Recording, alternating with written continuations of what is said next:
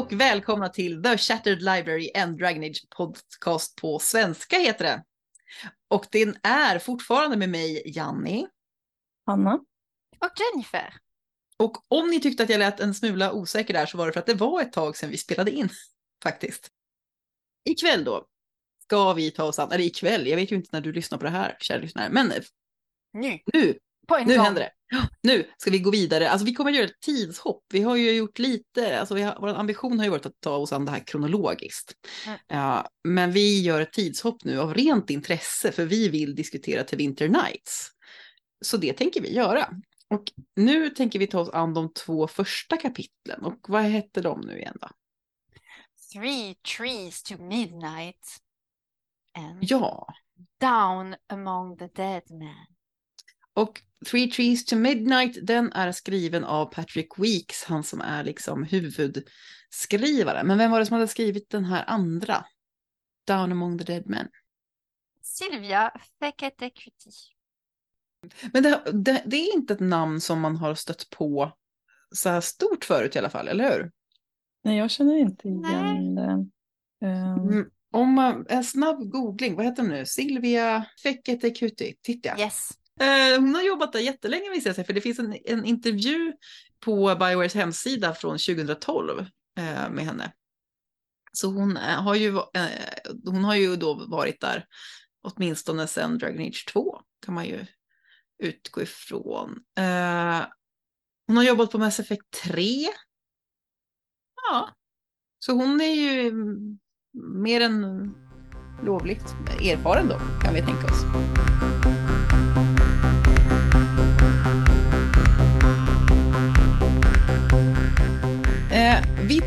Här eh, den ena efter den andra. Vi börjar väl med Three Trees to Midnight. Och den kom jag på lite sent att jag ju skulle sammanfatta va? eh, Ja. Så att hjälp mig med detta. Men det är en ganska okomplicerad historia egentligen. Det handlar om att eh, en stad i Tevinter som heter Ventus eh, har blivit invaderad av Kunari.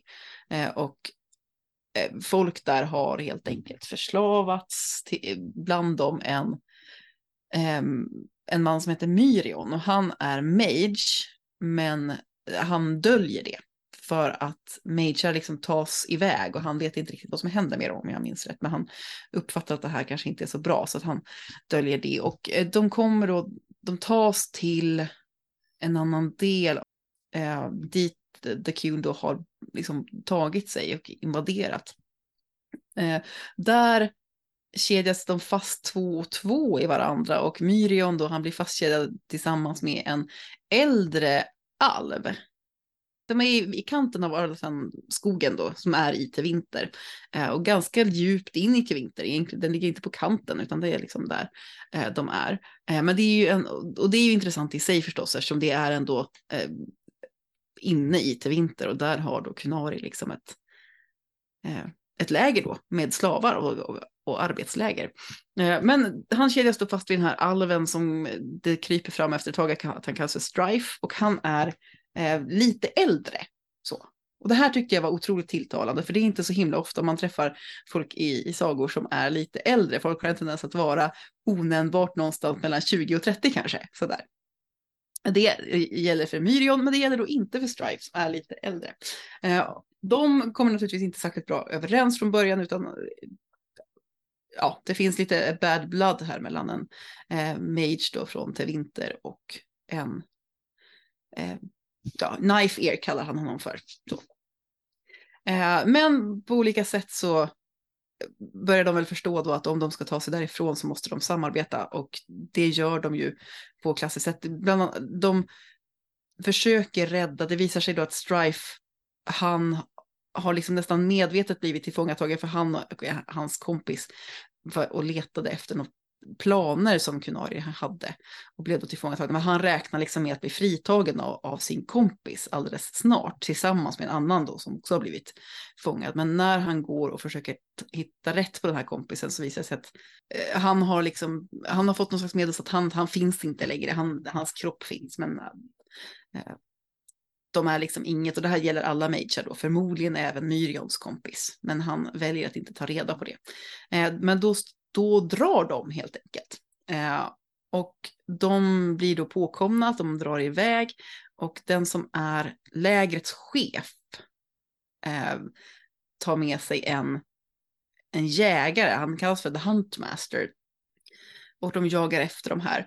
Eh, det är lite strapatsrikt eh, och de hittar, de ger sig då djupare och djupare in i Arlatanskogen så. Och det är liksom lite mystiskt på olika sätt och de hittar en Guardian, någon typ av liksom gammalvisk vaktargrej som inte är vid liv utan det är ju mer någon, jag uppfattar det nästan som någon typ av staty, någon typ av som sten. Lite golemliknande liksom får jag känslan av så. Som på något Eh. sätt aktiveras genom den här Myrions magianvändning. Så man får väl tänka att det är något som, eh, som är där fast, Ja. Slumrande så länge. eller liksom. aktiveras men i alla fall dras dit. Ja, ja men precis. Den, den liksom märker att de är där. Och, ska, eh, och Strife, eh, han är ganska självsäker att om man bara pratar alviska med den så, ska, så kommer den bli glad. Det blir den inte. Eh, men de klarar sig och till sist eh, så blir på olika sätt den här eh, Kunarin, då, ledaren för det här lägret, han blir dödad. Och då kryper det fram att den här Huntsmastern han var egentligen inte, han var inte så intresserad av att fånga dem överhuvudtaget. Han var där som en sån här spion för att det här lägrets le- ledare helt enkelt inte gjorde enligt Acute så att han, eh, han låter dem gå helt enkelt på slutet. Och det finns väl en del intressant i den här lilla sagan så.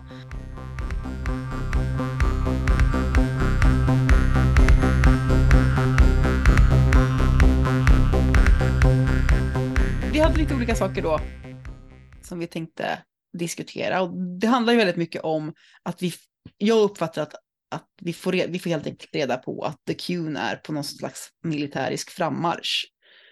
Jag menar att allt kanske inte riktigt står rätt till i Eh, in the ranks, vad heter det? det finns problem här. Hur mår The Qn egentligen, undrar Hanna. Ja, det undrar jag. Och egentligen, alltså, det jag funderade på var om man kunde utläsa om var, liksom, var sprickorna går, så att säga, mellan vilka fraktioner, för det är väl ganska tydligt uppdelat i så här, här har vi krigargänget, här har vi prästerna, här har vi dittan och dattan, sådär. Att vilka är det som, eller, eller så här, är det individer? Eller är det faktiskt att de här, eh, för de här som vi, de här eh, kunarisarna nu och den här ledaren eller vad man ska säga, chefen för de här slavarna, eller bas som de kallar Mm. dem. är- visst är han en del av krigaravdelningen? Ja, Eller? det är han ju. det är rätt tolkat väl? Ja. Ja. Och det jag funderar på om, om det är liksom, är det, är det bara han? Eller är det hela, Precis, är han Rogue eller är det hela, är det hela, hela krigarna liksom? hela krigargänget? Är det militärkupp eller är det en Typ dåre? så. Ja, precis. Och var, var går liksom, mm, vilka är på väg åt vilket håll? Eller är det här bara ett, ett rötägg då enligt, eh, vad ska man säga, TQn-perspektivet? Jag hade en, en känsla att det är bara olika förståelse eller interpretation of the Qn. Eftersom de Mm. har en diskussion i boken och de pratar om, om något och det känns Oh ja, jag kommer ihåg det är när The Hunter eh, vill um, döda en fågel och han gör det inte och de pratar tillsammans om varför han gör det inte. Och det känner att när det finns en religion som har massor med regler det finns alltid olika sätt att läsa det. Eh, Inte bara religion. Jag menar till exempel i universitet det finns massor med regler men man kan ibland typ gå igenom detta på ett annat sätt om man förstår dem på ett annat um, så det var Mm. min egen förståelse av situationen att de båda följer the Qn men på olika sätt. Mm. Men det håller jag med om. Mm. För jag tänker att de båda två motiverar vad de gör utifrån The Qn. Mm. Liksom. Och det är ju ganska, det är ju ganska snyggt på något vis det här att, liksom, att det finns komplexitet och inom den här som man uppfattar som en ganska, bara en stor massa av The Qn som man inte riktigt fattar. Men Mm. att den här sagan då ger oss lite ja, bakom kulisserna kan man väl säga. Och det den här ledaren, där Bas, ledaren säger är väl också i och för sig, alltså det, det är fler saker som han då stör sig på att det är leveranser som inte kommer, det är saker som inte fungerar. Så att på fler platser händer det ju grejer. Och det är nog kanske inte bara han, men frågan är vilka. Om det alltid bara är man kan väl tänka sig att de som då är ute och faktiskt eh, genomför den här invasionen, att det kan finnas en frustration där som liksom inte de styrande då, om man tänker mer eh, kanske ortodox tolkning mm. av, av The Qun då som den här Huntmastern eller, för han, eller han är ju inte Huntmaster utan han är ju Ben Hastrat eh, mm. står för no, någon liksom mer eh, ja, strikt kanske tolkning eh, eller i alla fall någon tolkning som, som de mer ledarna som är kvar i, på parvalen ungefär eh, mm. tycker. Jag tänker också, för, jag tror inte att han är rogue, jag tror inte att han är ensam. Han verkar ju inte vara isolerad utan han verkar ju ändå ha ett gäng andra. Men sen kan man ju tänka sig att, att det här är ju ett jättestort område så det kanske är så att, mm. att olika, det, det, finns fraktioner även inom de här fraktionerna. Liksom så. Men det är ju mm. också intressant det där att, att det framkom att han är frustrerad på ledningen för att de får inte tillräckligt stöd och de här trupperna där ute samtidigt som då ledningen uppenbarligen inte litar på de som är där ute som de skickar Ben Hasrat på mm, dem. Mm, mm. Um, så det är ju någon slags misstroende um, spel. Um, men ja, det är lite, det är ju inte, men så här, det verkar ju inte vara något organiserat myteri, eller i alla fall inte vad, vad vi kan mm. utläsa här, utan det, det är lite missnöjdhet på olika, olika platser och saker som inte funkar. Liksom. Ja, och olika, som ni sa, olika faktioner som, som började kanske, ah, i Parvolen, de tänker inte på samma sätt som andra. Uh, det händer i alla stora organisationer, så det mm. känns väldigt realistiskt tycker jag. Som du sa, Janni, det är väldigt Dragon Age, att man, man håller med båda. Man mm. kan inte säga du har fel eller inte du. Det är jättefint skrivet tycker jag. Ja men det tycker jag. Och, så här, och sen är det klart så här, den här eh, Huntmasters, det är ju klart att, att om, om man själv skulle vilja, han verkar ju schysstare liksom. Eh, och hans Qn verkar ju, eller hans version av The Qn verkar ju trevligare. Men det här är ju också en högst, liksom, det är ju irrelevant. Det här, vi får ju inte någon, någon fullständig bild alls. Subjektiv version av ja. oss som är människa och tycker att, ah, men man vet inte verkligen. Ja. Nej, nej, men precis, precis. Och de diskuterar inte riktigt hela teologin här heller, utan vi får en ganska liten. Och sen skrivs ju den här ledar, bassledaren fram som en ganska osympatisk figur. Mm. Alltså oavsett vad han nu tycker och tänker så är det inte honom man ska heja på. Nej, nej men han är ju skurken liksom. Ja.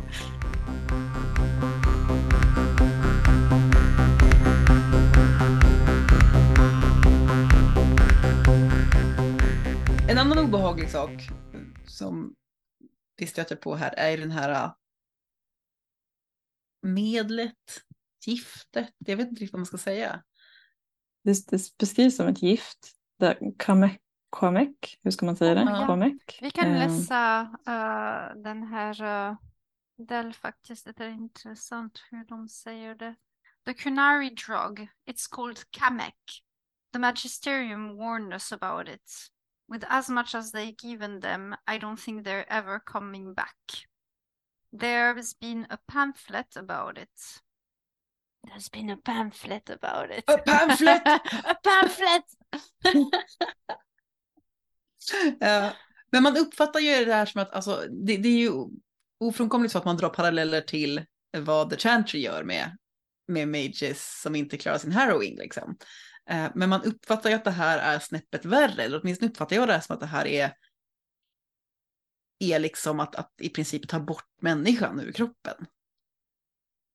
Ja, jag tror att det också beror på hur mycket, för, för det är väl det som den här eh, basledaren har gjort lite fel då enligt den här eh, Ben Hasret eh, mm, snubben bland annat. Alltså att, att de har doserat det här lite generöst. Så att, säga. att, att egentligen så så är det ett tillstånd som går att, vad säger man? Eh, ta tillbaka. Ta tillbaka, ja. Eh, om, man, om man är lite försiktig med det. Mm. Eh, men, att, eh, men så jobbar man inte här. Ehm, mm. Nej men det har du rätt i. Och då, då, kan man ju säga att det är i princip, alltså det kanske till och med är så här det går till att göra tranquils. Ja, nej men där, ja, jag tror det, fast där klipper man väl bara fade-kopplingen och så Ja. klart, finns det en, kan man vara olika mycket tranquil liksom? Eftersom The Tranquils, de kan fortfarande jobba och svara på grejerna, de interagerar med olika personer. Här de bara står empty. Ja, Men, men då vet vi inte riktigt vad som hade hänt då om man, eh, om man hade fått lite lagom. Då hade Ja. man kanske blivit som tranquil liksom. Ja, precis. Ja, förmodligen. Och vi vet ju heller, inte det, så här, det här klippandet, för det, är- det är ju sant att det beskrivs ju så att man klipper kopplingen till the fade liksom. Men hur det liksom konkret går till är ju svårt att tänka sig att det skulle vara något, alltså att, att det, Men vad dricker de till Lyrium? Och, eh, har ni en teori om detta? Finns det en teori på internet? Såklart. Vad är det egentligen? Det står att både Kamek och Lyrium är glowing substances, så att de delar just det här att eh, alltså templarer efter att de har druckit eller ätit Lyrium då ett antal år också Mm. eh, förlorar minnet. Mm. Ehm, så det är en koppling. Akin Um, to lobotomy. Ooh. Ah, whether Kamek is composed of lyrium is not, not yet known. Så man vet inte än, according to the wiki. Hmm. Men då kanske det här är, har med vartannat att göra eh, faktiskt. Det är ju spännande det här. Alltså. Det finns bara en referens i The Winter Nights som vi har läst nu. Och det finns en annan referens i The World of Thetis, volym 1. Ja men det här, det här är ju liksom en eh, obehaglig sak alltså. Verkligen, ja. Men man känns om det, om det fanns skulle inte The Templars har fått det för typ länge sedan. Det känns att det är orimligt att bara Kunaris har det på något sätt. Det har de ju, alltså om man, om man tänker sig att det är något motsvarande de har i The Chantry för att Mm. göra eh, Tranquils. Så, Men de kallar de det något annat liksom. Ja, Ja. precis. Ehm, Att sub substansen är känd liksom.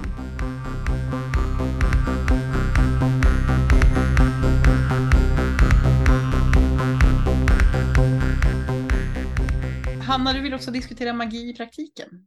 Oh, ja, alltså det var inte så mycket, eller diskutera, det var mer att eh, det är så sällan, jag vet inte, ibland så blir jag så förvirrad hur egentligen magin fungerar i Tedas för att vi får inte så mycket information om det. Det är liksom Lyrium gör någonting, lite Mm. oklart vad, det verkar göra väldigt, väldigt många olika grejer på väldigt mystiska sätt ibland och så ibland verkar det finnas regler. Nej, I alla fall, så det, i en eh, sekvens här så finns det en beskrivning när, eh, i första person där när Myrion använder magi.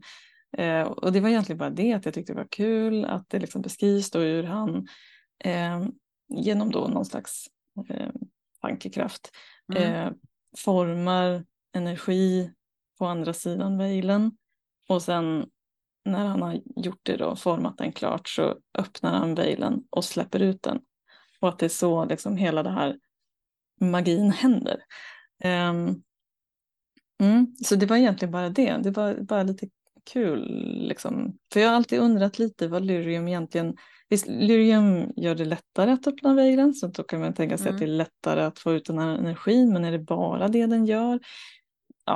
Men det, det skulle ju vara, för jag håller ju med, det här har ju alltid varit hemskt oklart, vad fan är det de ska med lyriumet till? Vad är det det Ja, gör? Vad har det med saken att göra liksom? Men om, det Mm. är, om, det, om det är så det funkar, då finns det någon typ av halvrimlig förklaring Mm, på detta. Och det, det skulle göra mig lite glad. mm. Som jag ändå kan köpa inom ramen för denna värld, så kan jag köpa det liksom. Precis. Intressant också att han säger att det är svårt att bara göra magi utan, utan ett verktyg. Typ eh, att han måste ja, sjunga mycket och fokusera mycket. Det var intressant också eftersom man, man får inte höra det så ofta. Nej, och ibland undrar man ju faktiskt vad den här staven egentligen är till för, liksom. Mhm. Mer än att vifta med så att det ser lite, lite Ja, alltså snyggt ut. staven i Mm. sådana magisammanhang känns ju väldigt gameigt liksom. Det är ju för Mm. att en, man, om Mm. man spelar mage ska ha lika mycket loot och man ska uppgradera och liksom sådär. Eh, och det är ju fint då om de kan lyckas klämma in någon typ av liksom åtminstone lår, rimlig eh, förklaring till det här. Eh, men det är, ju, Ja. det är ju samma sak som typ alltid typ trollspön i Harry Potter liksom. Vad, fan, vad är grejen egentligen liksom? Och det här med att, eh, att de i spel då en wand i typ Harry Potter kan man ändå köpa på så vis att den är ändå hyfsat praktisk på så vis att den är inte längre än en arm, man kan stoppa in den i kläderna. Men de här påkarna som de springer runt med i Dragon Age är ju egentligen ganska vansinnigt liksom. Ett mindre träd på ryggen, ja precis. Och särskilt som det är vissa delar av Cedas är inte så bra att bli igenkänd som mig. Ja just det, just liksom. det. eftersom de ofta också är undercover. Liksom. Nej men jag håller på och bygger ett hus här borta så att jag har med bara som jag Ja, det har alltid känts som en något svag punkt om man börjar fundera på det. Liksom.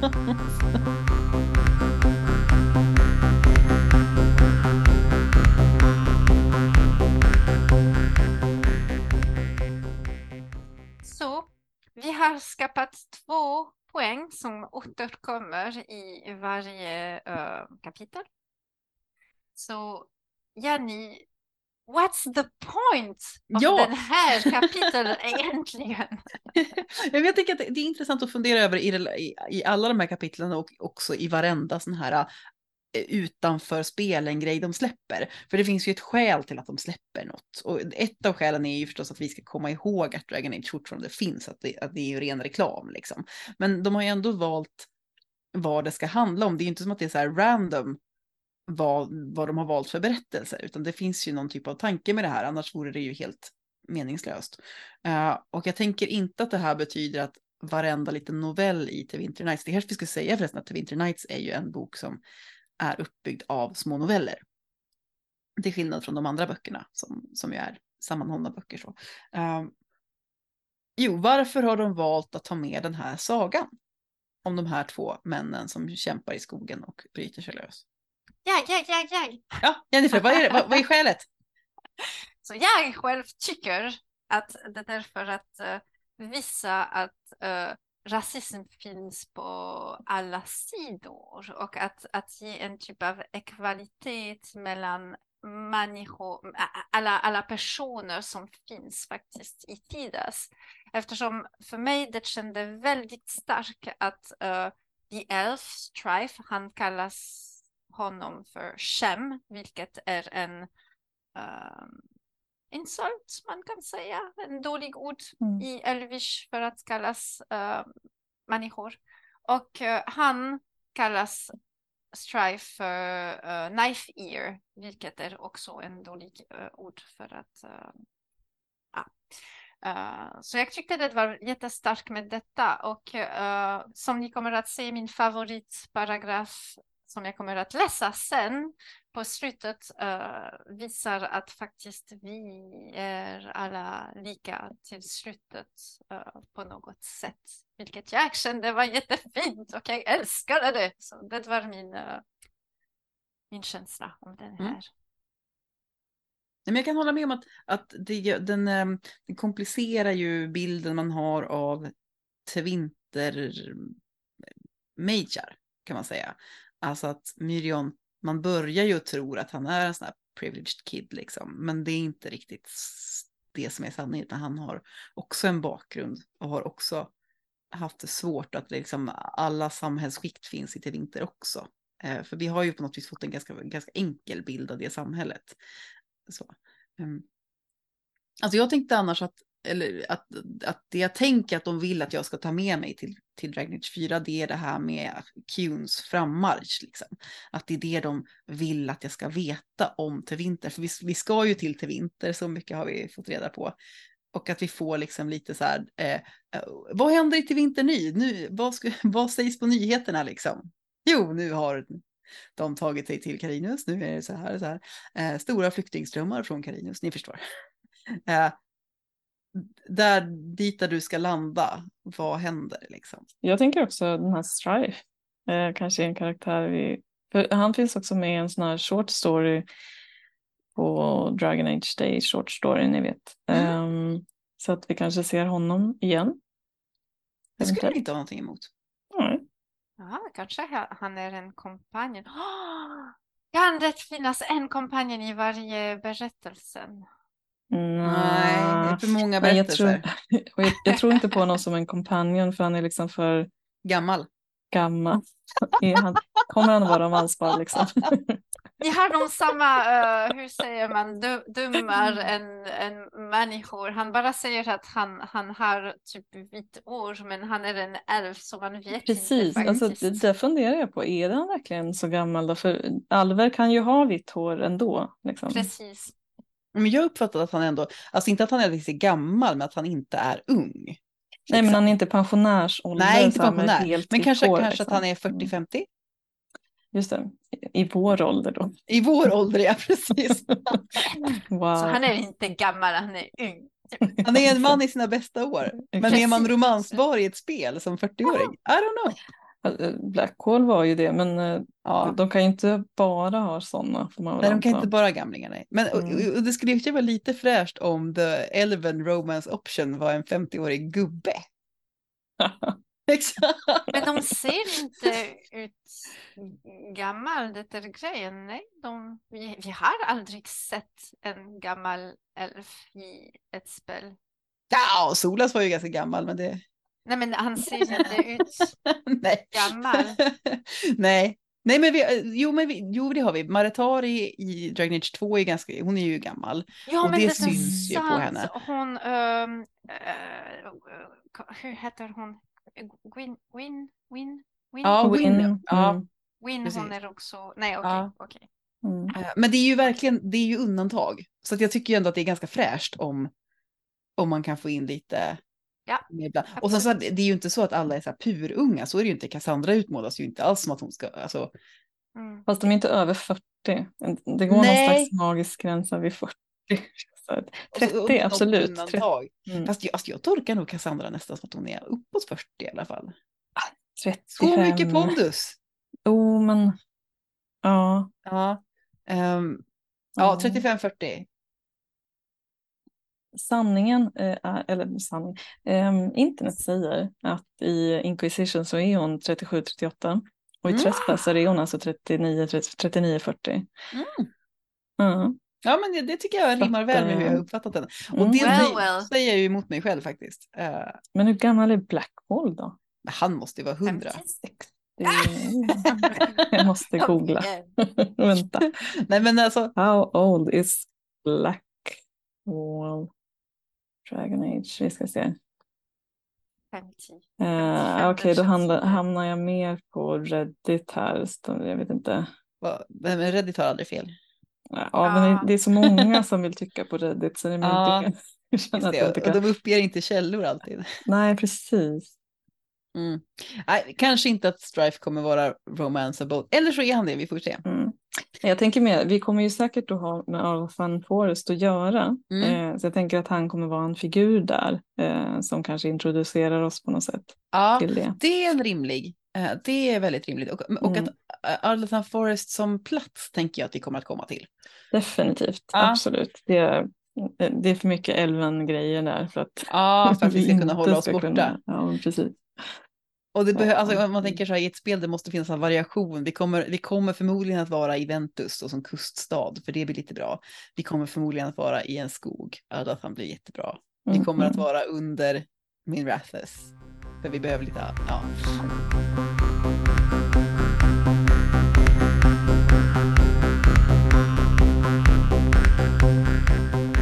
Och Jennifer, take it away. Okej, yes! Så jag ville läsa min favoritsmodell eh, uh, i, i, varje berättelse. Så här blir det. Så ni får en lite um, ja, smack av hur det låter i boken för äkta. I'm not a magister. Miriam glared his eyebrows about the only thing Strife could make out in the darkness, then sighed and shook his head.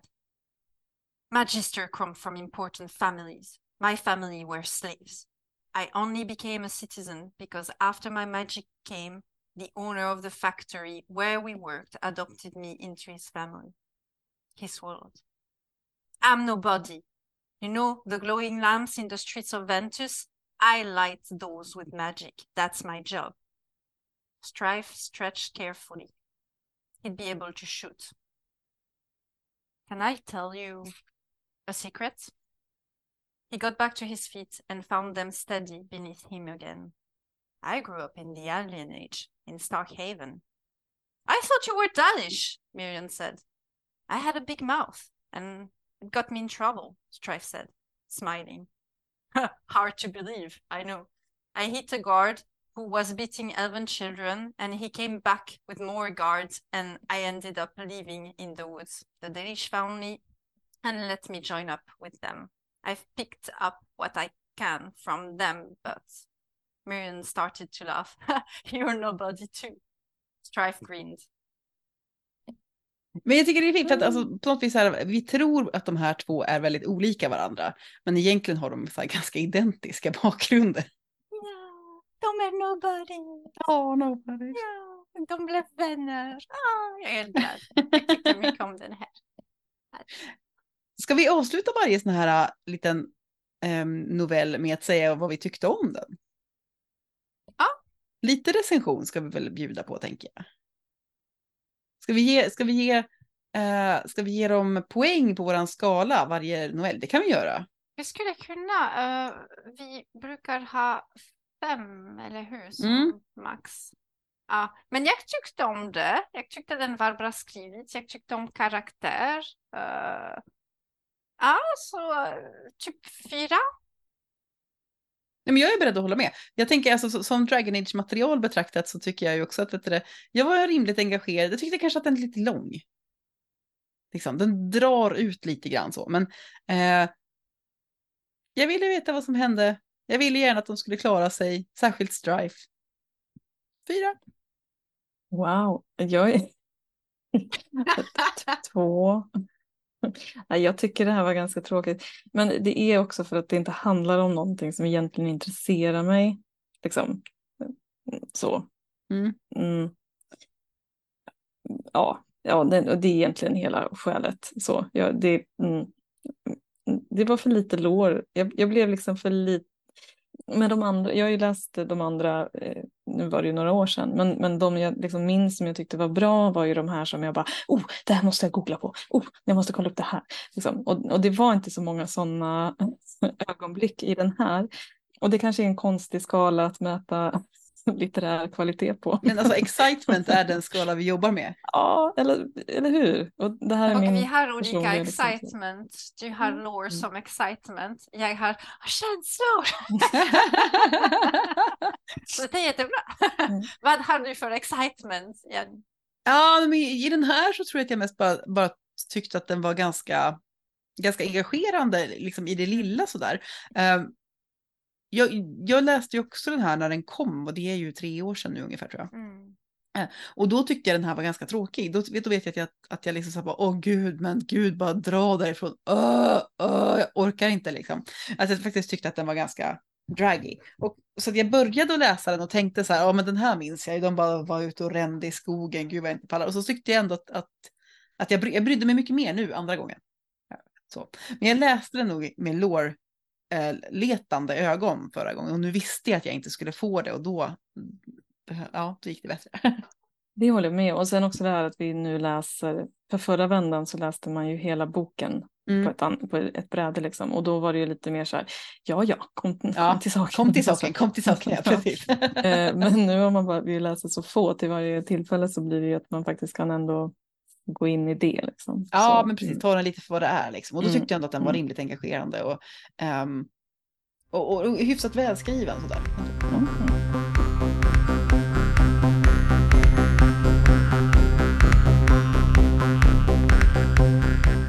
Ska vi då gå vidare till kvällens andra huvudnummer? Yes. Mm. Down among the dead men. Så jag undrar om kanske jag kan introducera lite the setup först eftersom det pratar lite mer om olika platser och grejer så kanske det är bra att ha dem i huvud. Kör. Mm. Mm.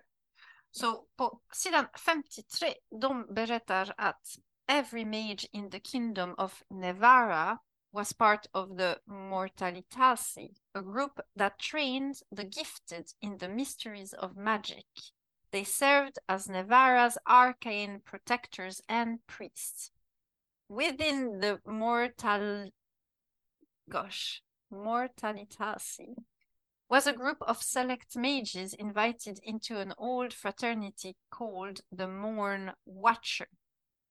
The Watchers served as elite guardians, keepers of the Grand Necropolis and its sacred repository of the dead.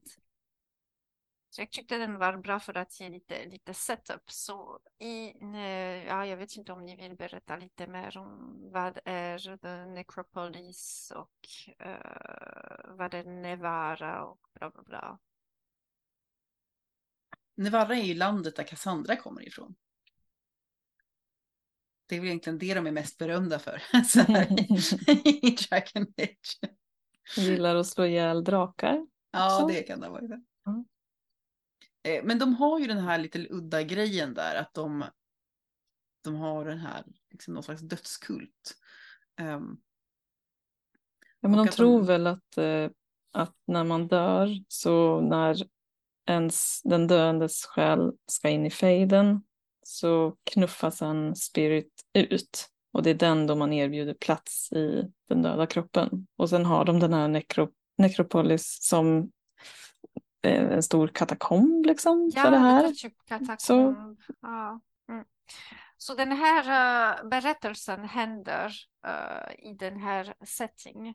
Så först, det börjar på en begravning ut i Nevara någonstans, jag antar, med en väktare som heter Odrik.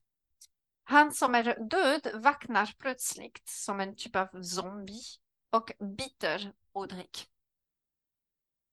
Då nästa paragraf är man hos två necromancers. De berättar att han som vaknade rymde och att de måste leta efter honom. Myrna och Odrik använder en del av en ben som har en typ av trolleri som de kan hitta honom. Då åker de till Necropolis och letar efter honom. Hon berättar att andarna som kommer in i döda kroppar när de är kraftiga noga och gör det bra på något sätt. De kan ha kvar motivationen eller passionen av den som är död, men det kan också bli ilska eller hämnd. Och det är förmodligen vad hände med honom. De hittar honom och eh, faktiskt det är en Pride Demon som har possessed honom. Och han dödar Odrik. Men då kommer han på att han faktiskt är redan död. Ta, ta, ta, ta! What a twist! Twist! Och då kommer vi på att det var honom som ville hitta den som dödade honom och allt var en test för att se om han skulle välja acceptans eller hämnd. Och då berättar Myrna att ehm, de uh, Mornwatch, de hjälper inte bara de levande men också de döda ibland att hitta deras plats och eh, gå vidare i livet. Och eftersom Odrik älskade böcker så mycket blev han bibliotekarie. Men vilken happy ending! Jag är bibliotekarie för er som vet inte så. Jag blev supernöjd. Ja, det är vackert. Meningen med döden är att vi blir bibliotekarie. Så. Åh! Ah, Det var en uh, berättelse för mig. Fem poäng. Okej, nästa.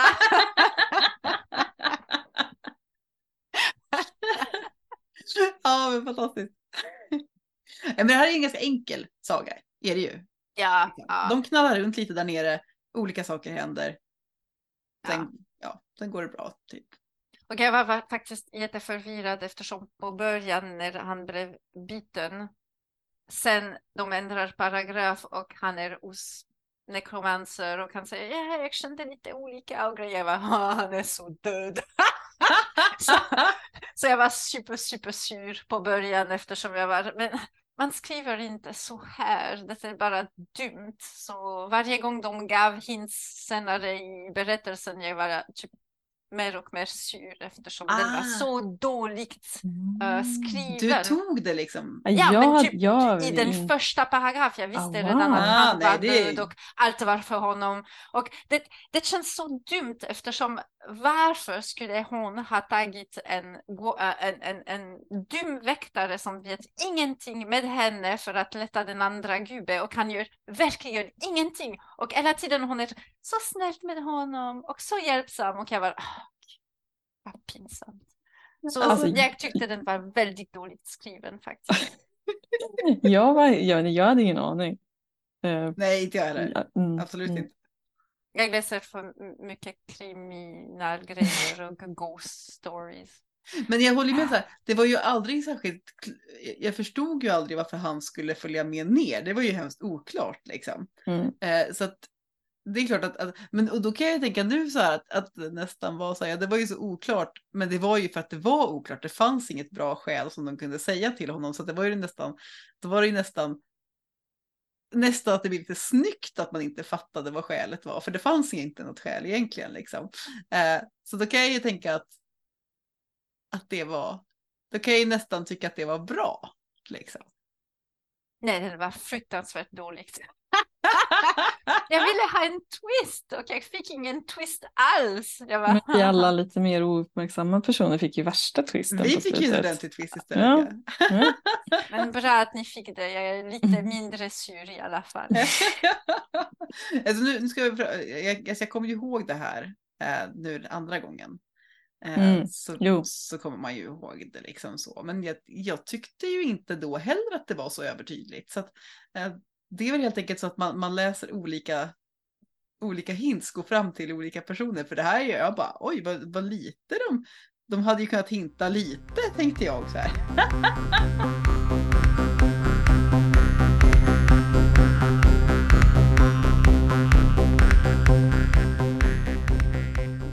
Men vi har några saker vi ska prata om här. Premature possession. Det måste vara du Hanna.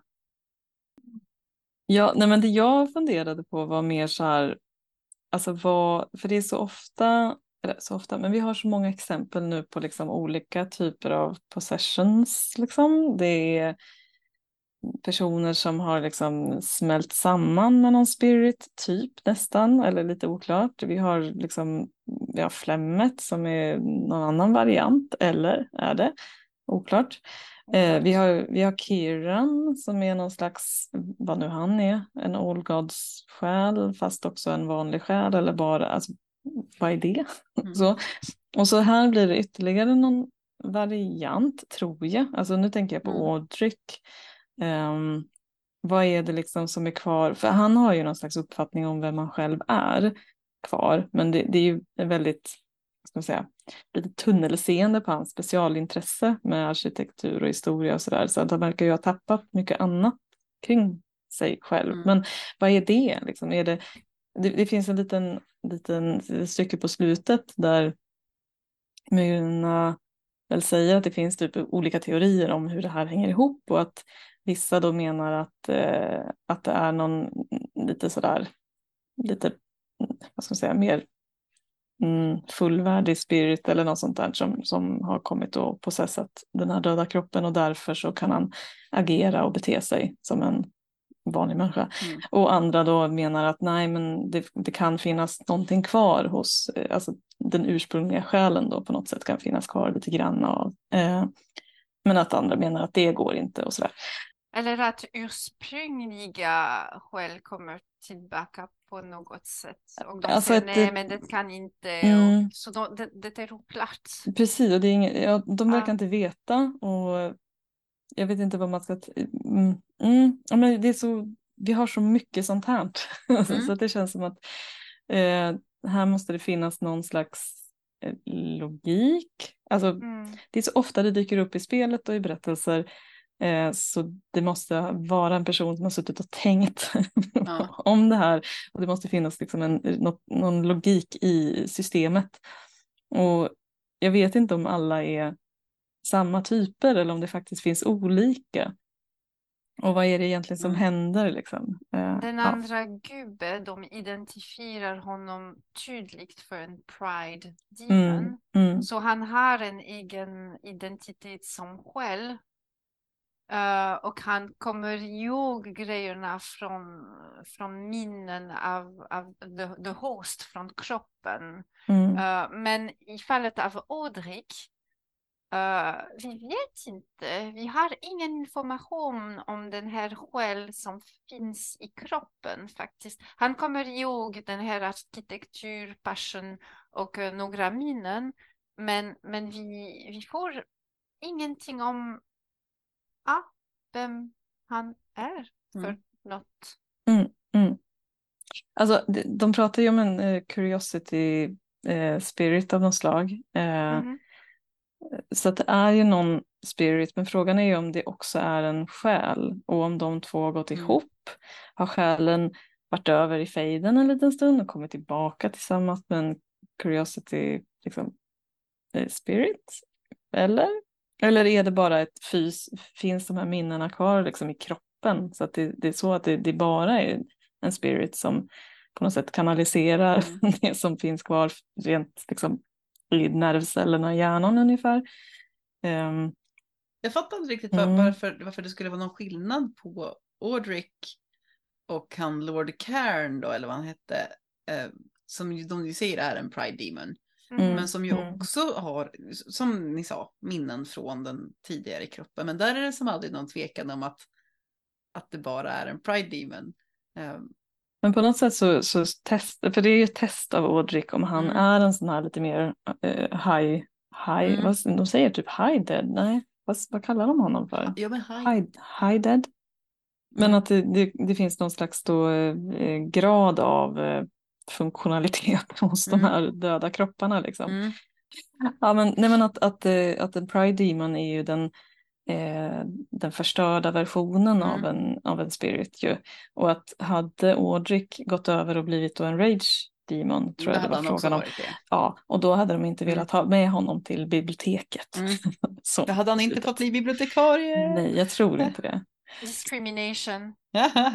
men, men, men alltså, det säger ju egentligen inte att, att det måste vara något annat förutom att det är en bättre spirit i grunden.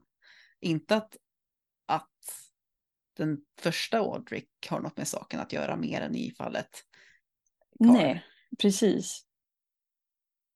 Men det jag tänkte på, eller det här med Audrick, att han måste ju vara någon sorts Cole då. Mm. Han måste ju, Cole är ju verkligen en, eh, eller ja, verkligen en hög funktion, funktionär, det vet jag inte vad man skulle kalla det. Men, Nej. eh, men Med Han- vissa funktioner. ibland mer eller mindre eh, social eh, kompetens där kanske. Men, men eh, han, ehm, eh, han spårar ju inte sådär, liksom, utan han beter sig ju snällt. Liksom. Mm. Så, då. Men, och det som är intressant med honom är ju att han kan ju bli mer och mer en person. Alltså att spirits kan bli typ personer, vad nu kriterien är på att bli en person då. Men Ja, alltså, jag, jag har ju alltid tänkt mig att människor, eller liksom så levande varelser i Deidas är liksom spirits som föddes i en kropp. Liksom. mm, Men att man kan, man kan bli en kroppslig spirit på andra sätt också, Lex Cole, fast det är lite ovanligt. mm, mm. Men jag tänker att det också borde kunna gå åt andra hållet då. Alltså om man tänker att själar som vi antar väl försvinner in i fejden. Mm. De borde ju kunna bli spirits då. Ja, de är spirits tänker jag när de... Ja, men om man tänker att spirits är mer, vad ska jag säga, enkelspåriga. Ja. alltså mer, de har ingen eh, typ mer identitetslösa, de är Mm. liksom sin, sin känsla eller sin Ja. grej liksom. Ehm, Och då kommer vi till eh, vad händer egentligen när man dör? Ja, men det var det jag tänkte, om man faktiskt blir, blir man en spirit, att det som var ens, om, vi- om vi Mm. säger det här, eh, Audrics då, huvud, att han, att han drar till sig en liksom, curiosity spirit, då, det är ju inte en slump utan det är då för att det är hans liksom, driv. Så.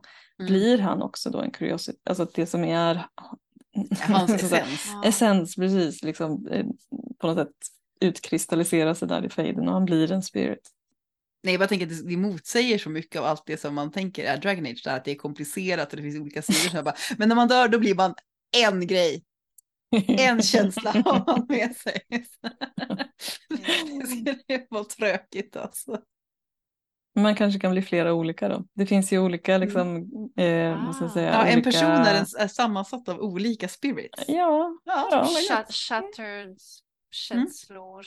Mm. Men då, då är det möjligt att en, en själ som går iväg kommer tillbaka i samma kropp. Så det kan Ja, vara vad? Modric var, men eh, chansen är typ nästan noll. Och så skulle, det skulle ju vara då den här curiosity-delen av, av hans Mm, mm. eh, person som återvänder. Det skulle man ju kunna tänka Det sig. kan man tänka sig. Ja, Ja. precis. De andra Mm. delarna har fejdat iväg, men curiosity-delen tyckte det var så peppigt att gå ner där.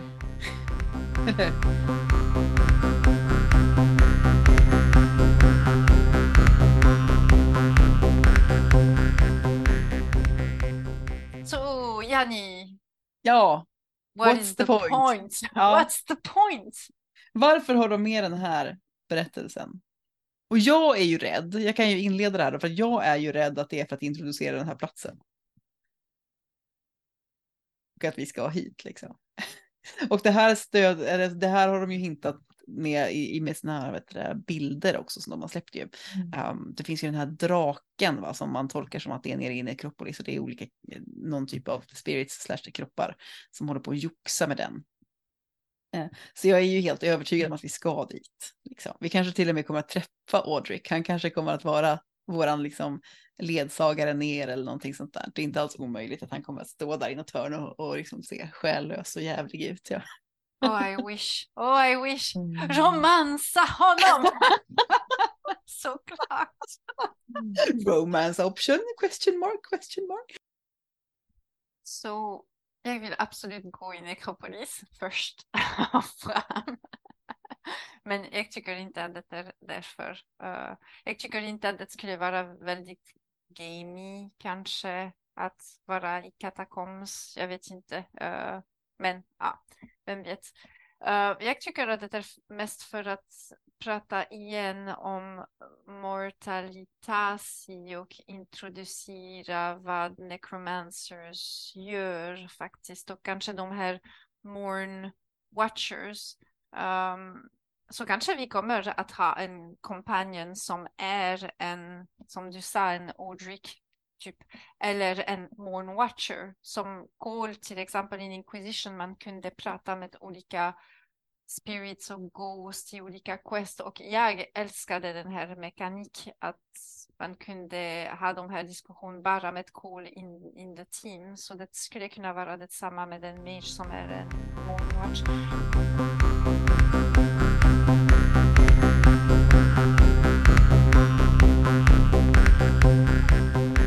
Och Jennifer, hit, hittas med din favoritparagraf. Ja, så det är faktiskt två men kort den här gången eftersom jag kände att ni måste få höra hur Necropolis är. Först. Odric's next few hours were a series of wonders and horrors, a grand delirium like those nightmares of his childhood. He stood with awe in the arena-sized tomb of a warrior queen carved with a riot of battles and feasts that cavorted in the stone. He shivered at the majesty of the flowering gates closing off a silent, enormous silver grave. He crossed a bridge made of giants' bones over a pit of skeletons of a sort he did not recognize. He hid from a wheezing thing that dozed all the light around it, but left behind lingering grey shadows when it was gone. Sen slutet som var så, så fint. Emrich handed the top book to Odric. It was a gazetteer of Nevara city stamped with a crowned skull surrounded by flowers. Aldrich flipped it open and read the blocky inscription. To our son, with love, may you be blessed in your studies with the chantry. All this effort for, for me, I'm, I'm just a guardsman. Sir, um, was Odric pushed doubt aside and held the gazetteer to his chest. He existed, knew what he loved, and that he had been loved, and that somehow seemed enough in the moment. Oh, Aldrich is a happy dead.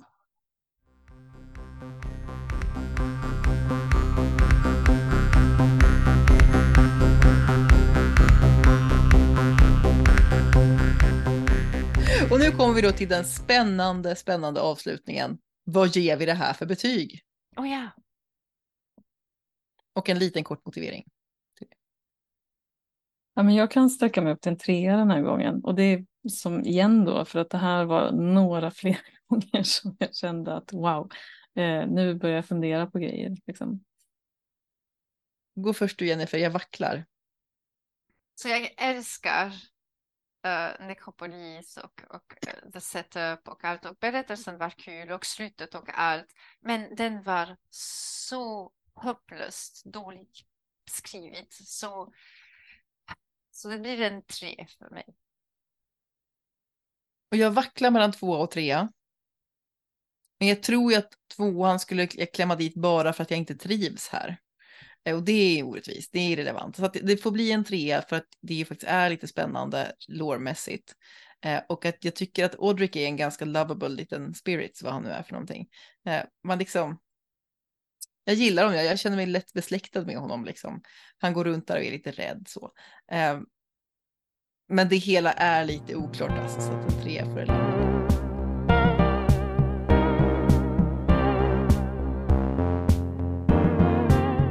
Ja, det var det för ikväll. Eh, nästa gång tar vi oss an två nya kapitel eh, med fräscha och eh, hoppfulla ögon tänkte jag säga. Vi hoppas hoppfulla. ja, ja, men jag tänker att alltid får vi något. Eh, bland annat ett kapitel som vi ju redan eh, nu kan tisa ju Ja, nästa alltså. kapitlar blir The Horror of Hormack av John Epler. Ah, han är känd också. En typisk femma kan jag avslöja. oh, Och Callback av Lucas Christiansson. Ja, han är ju också en sån där som man känner. Eh, känner. Så här har vi två kända namn. Det ena kanske lite kändare än det andra. Men mm. Det blir spännande och det blir nästa gång ni hör av oss, kära lyssnare.